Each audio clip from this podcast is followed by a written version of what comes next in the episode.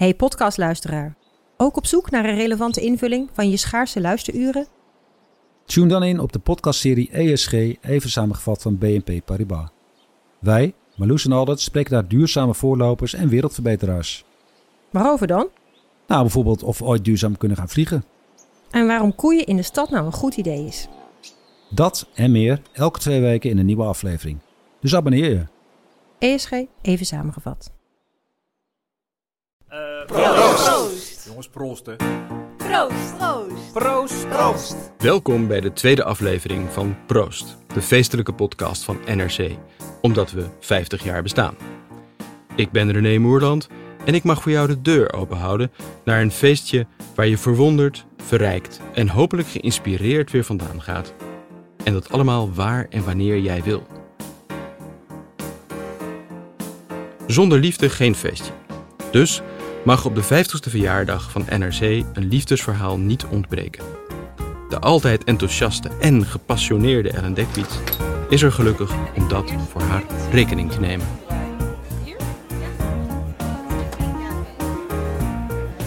Hallo. Hallo, welkom op ons gezellige verjaardagsfeest. Ja, het is echt een grote partij. Dat kunnen ze hier wel bij de redactie, hè? Partijen geven. Ik zie daar in de hoek uh, Lemja alle ins en outs vertellen over die schoenenfetish van Hugo de Jonge. En ik heb net even met Hendrik Spiering gepraat. Die heeft alle belastingschalen uit de bronstijd aan mij uitgelegd. En uh, vlak bij de wc staat Marcel van Roosmalen tegen een plan te praten. Ja, compleet toch?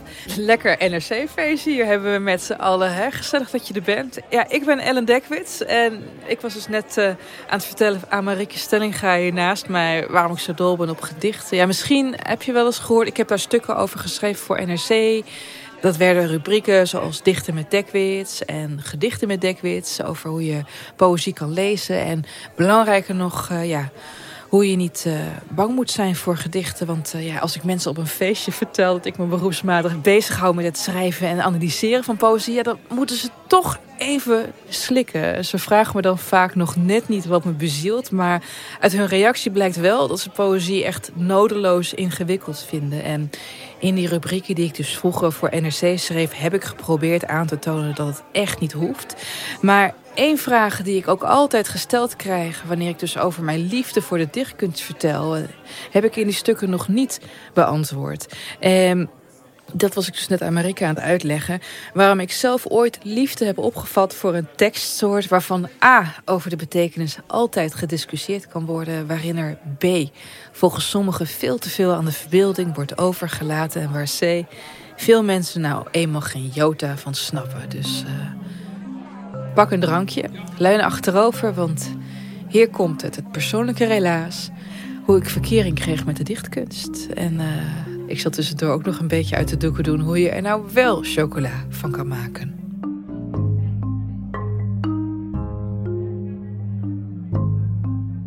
Lang, lang, lang geleden, ooit was er een tijd waarin ik zelf echt helemaal niks met gedichten had. Ik, ik hield als kind wel van de versen van Dr. Anders P. Uh, en Annie M.G. Schmid. Maar volwassene poëzie, daar vond ik echt helemaal niks aan. Bij, uh, bij dat soort gedichten dacht ik aan uh, mensen in zwarte kooltruien van die, van die zweefkezen. Mensen die dus niet gewoon zeiden wat ze wilden zeggen, maar moeilijk deden om het moeilijk te doen. En dat ik niet van poëzie hield was in die tijd eigenlijk ja, vreemd. Want ik had van nature, denk ik, zoals elk kind... toch een behoorlijke aanleg om van gedichten te gaan houden. Want ik was allereerst al op jonge leeftijd echt geobsedeerd door taal. Ik was uh, dol op het ontdekken van nieuwe woorden... en Daarom verstopte ik me als kind thuis regelmatig onder de keukentafel om mijn ouders af te kunnen luisteren. Want op een zeker moment daagde het mij dat zij dus hele andere woorden en uitdrukkingen gebruikten. wanneer ze dachten dat ik dus niet in de kamer was van die hele spannende begrippen zoals uh, discriminatie of uh, inbrenghuls. En uh, op een zeker moment hoorde ik, ik zal een jaar of acht zijn geweest, dat mijn moeder aan mijn vader vertelde dat een van onze overbuurvrouwen het met haar neef deed. En mijn vader die schrok zo erg dat hij zich verslikte in zijn koffie. Dat kon ik onder de tafel horen. En ik schrok natuurlijk ook, want ik had geen idee wat het was. Maar getuige mijn vaders spectaculaire reactie moest het wel echt iets enorms zijn. Het was net alsof je halverwege het zesde seizoen van een televisieserie belandde en dan zelf moest gaan invullen wat er vooraf allemaal was gebeurd.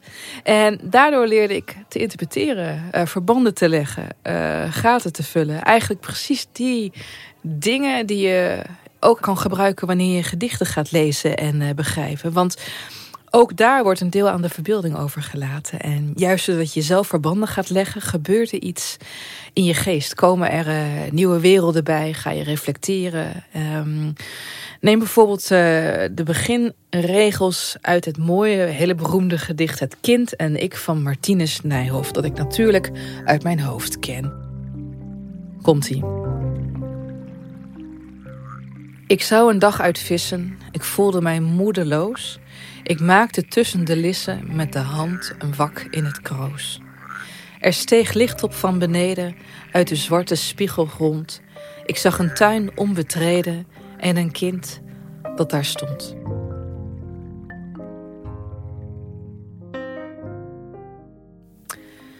Bij gedichten moet je uit de woorden afleiden wat er aan de hand is. Net zoals dat je bij een gesprek waarin je ouders het over het hoort hebben, kan afleiden uit hun reactie, uit de context, uit hun intonatie, wat er misschien aan de hand is. En in het geval van die regels van Nijhoff, die ik net voordroeg, ik, citeer trouwens slechts het begin hoor, zitten er al raadsels. Neem bijvoorbeeld dat licht dat uh, vanuit de spiegelgrond, zoals hij dat mooi schrijft, opstijgt. Bij een gedicht mag je, dat vind ik een van de leuke dingen en een van de grote leesafspraken bij poëzie, de taal veel ruimer opvatten dan bijvoorbeeld een wettekst. Bedoelt Martinus Nijhoff het licht letterlijk in dit gedicht? Dan bedoelt hij met het kind dat hij in de vijver ziet misschien gewoon zichzelf. Dan bedoelt hij dat hij zijn spiegelbeeld in het water zag. Maar hij kan hiermee natuurlijk ook zeggen dat hij door het licht een visioen kreeg. En als er zoveel verschillende mogelijkheden zijn wat iets kan betekenen, dan gaat het in je hoofd, of dat in mijn hoofd in ieder geval enorm knetteren. En ik begin het dan voor me te zien. En met die woorden wordt er in mijn geest een filmpje getoverd. Uh, worden er beelden opgeroepen zoals je een geest oproept. Ontstaat er een soort sprookjesdia, of nou ja, ligt eraan wat voor tekst je leest, een fantasmagorie. En zo ga je de overige tekstelementen ook bevragen en van betekenis proberen te voorzien. Waarom moet Martinus Nijhoff bijvoorbeeld vertellen dat hij moedeloos uit vissen ging? Waarom zei hij niet dat hij gewoon uit vissen ging? De raadsels stapelen zich op en ook zo de mogelijkheden. En die beginnen te vertakken in je hoofd en zo ontstaat er iets heel nieuws.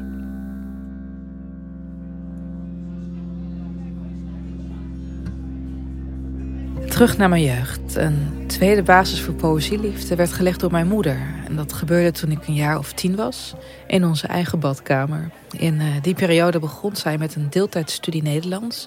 En dat was een droom die eerder door omstandigheden, waarmee ik uh, haar kinderen bedoel, in het water was gevallen. Maar een droom die ze nu, nu haar uh, nageslacht zindelijk en enigszins zelfstandig was, toch weer op wilde pakken.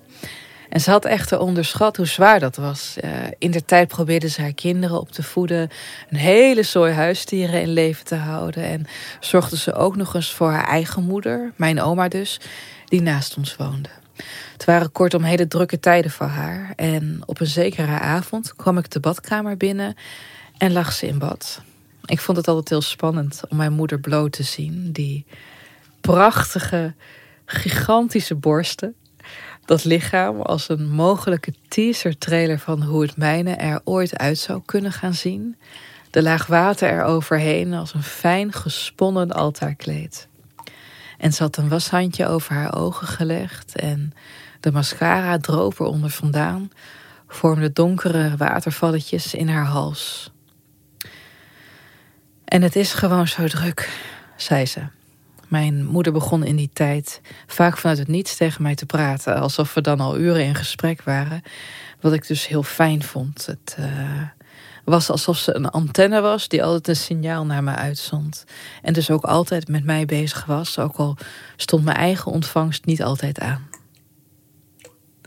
En mijn moeder die vervolgde met te zeggen dat ze doodop was. En dat ze aan het einde van die week een tentamen letterkunde had. Waarvoor ze nog amper had kunnen blokken. En ja, ik wilde mijn moeder helpen. Dus ik bood haar hulp aan. En even later zat ik dus op de badrand. En las ik haar haar eigen college aantekeningen voor. En die aantekeningen gingen voor dat tentamen over gedichten. Over hoe je gedichten kan ontleden. Eh, over hoe bijvoorbeeld het ritme van poëzie van invloed kan zijn op de betekenis. Ehm, ik ontdekte zo dat uh, zinnen halverwege worden afgebroken om leesritme aan te geven. Maar ook om gebruik te maken van verschillende betekenissen die een woord kan hebben. Ik ontdekte dat, het, uh, dat strofe het woord was voor alinea in poëzie.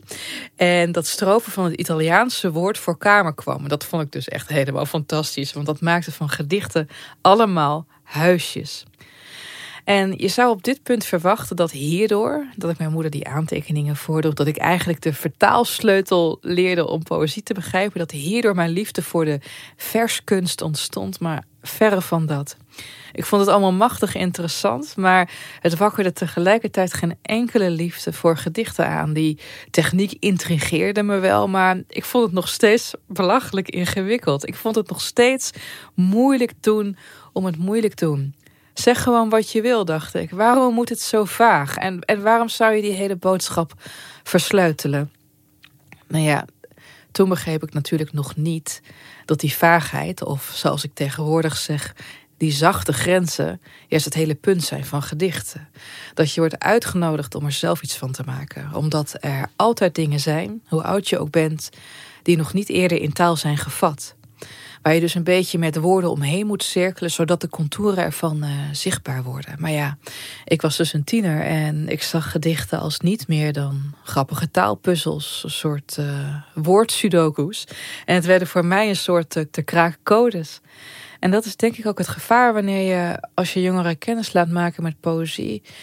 Als je begint met de technische kant, dus dat je meteen die interpretatielagen moet gaan vinden, dan stomp je die leerlingen eigenlijk ook een beetje af. Omdat je niet stilstaat bij de ervaring die een gedicht teweeg kan brengen. Bij het gevoel dat het los kan maken.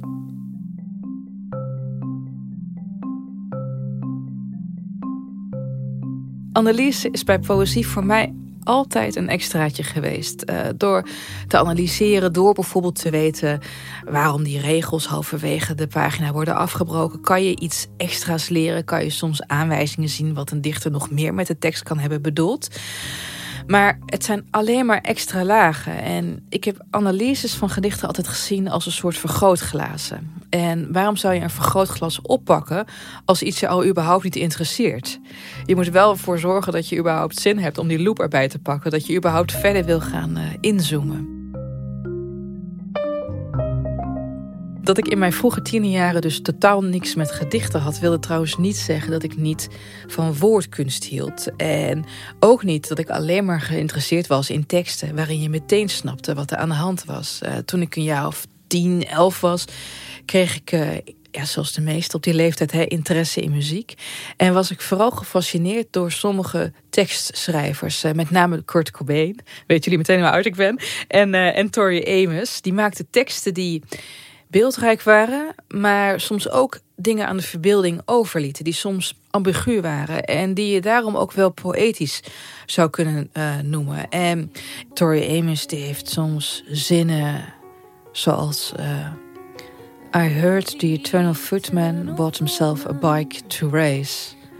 Wat is een eeuwige lakij? Ja, later ontdekte ik dat het ook een uh, personage is uit uh, een van de gedichten van T.S. Eliot. Maar ik vond het al zo prachtig. Een eeuwige lakij. Is dat een loonslaaf? Hoe zit dat in elkaar? En waarom koopt hij een racefiets? En ik denk dat de interessantste teksten dat soort vragen oproepen. Hoe kan dit? Hoe werkt dit? Wat bedoel je precies? Ik merkte dat ik wat vagere teksten, dat ik dat heel erg vet vond. Ehm, dat ik er zelf dingen in begon te zoeken. Dat ik er zelf verbanden in begon aan te brengen. En ik denk dat het heel erg scheelde dat bij songteksten niemand van tevoren tegen mij had gezegd van ja, er zijn allemaal geheime kunstjes om er meer van te kunnen maken dan erin zit. En daardoor ging ik er veel meer ja, onbevangen in. Desondanks was het slechts een kwestie van tijd voor ik alsnog verliefd werd op die tekstsoort waarvan ik van tevoren al had geleerd dat je er heel veel zou moeten kunnen uithalen, namelijk gedichten. En dat kwam, ik was een jaar of veertien, ik had een tussenuur, ik stond in de schoolbibliotheek en ik uh, stuitte op het werk van de latere Nobelprijswinnaar Thomas Tranströmer. Dat is echt een super vette Zweedse dichter. En Thomas Tranströmer die schreef zinnen die je als ik ze nu zelf aan mijn leerlingen voordraag, dan ga je, zie je echt die TL-buizen boven die hoofden aangaan. Die spreken hen ook meteen aan. Zijn hele oeuvre begint met alle fantastische regel, namelijk ontwaken is een parachutesprong uit de droom. Dat maakt dus van s uit bed komen een avontuur, weet je wel? Een soort van bungee jump richting je bewustzijn. In plaats van ja, die dagelijkse Sisyphus bezigheid dat je weer het rotsblok van je eigen bezigheden de heuvel oprolt. En zijn oeuvre heeft zo ontzettend veel mooie regels. Op een gegeven moment heeft hij een gedicht waarin hij beschrijft hoe hij op een uh, natte donderdagavond met zijn auto slipt. En ja, hij woont natuurlijk in Zweden, dus dan is slippen met de auto echt wel heel veel gevaarlijker. Want heel veel van die bergweggetjes. En dan vertelt hij het volgende. Ik slipte met de auto en de seconden groeiden. De seconden werden groot. Er was ruimte in de seconde. Ruimte zo groot als ziekenhuisgebouwen. Ja, dat vond ik echt fantastisch. Ik besefte ook dat het dus niet om een geheime boodschap hoeft te gaan bij poëzie, maar gewoon alleen al om de lol van op een andere manier naar de dingen te leren kijken. Om een andere manier van uh, belichten. Tranströmer die heeft ook ergens een gedicht. Ik geloof dat het het echtpaar heet.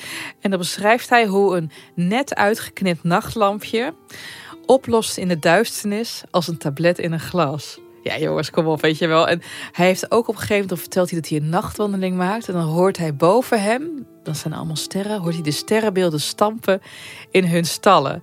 En ik dacht op die leeftijd alleen maar, Jezus, wat slikt die man? Hoe geweldig. Hij maakte allemaal nieuwe belevenissen mogelijk in mijn hoofd. Allemaal nieuwe werelden mogelijk in mijn geest. En daar zat het in die periode voor mij in. Dat maakte mij echt verliefd op gedichten.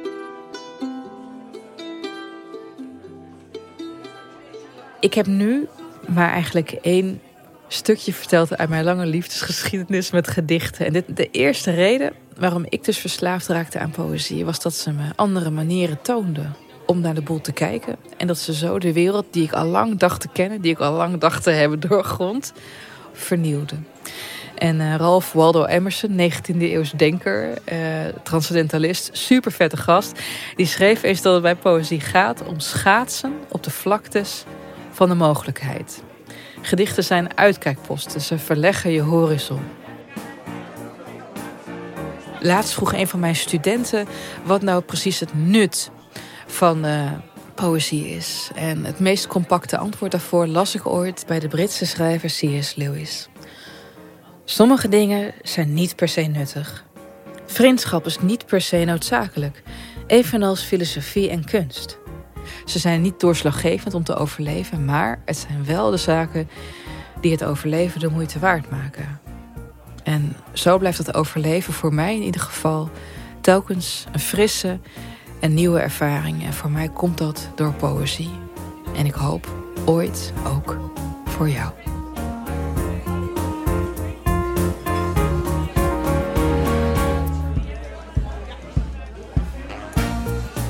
Van sprookjesdia's en fantasmagorieën duiken we de volgende aflevering de duistere wereld van terrorisme in. Met niemand minder dan Beatrice de Graaf. Tot de volgende proost.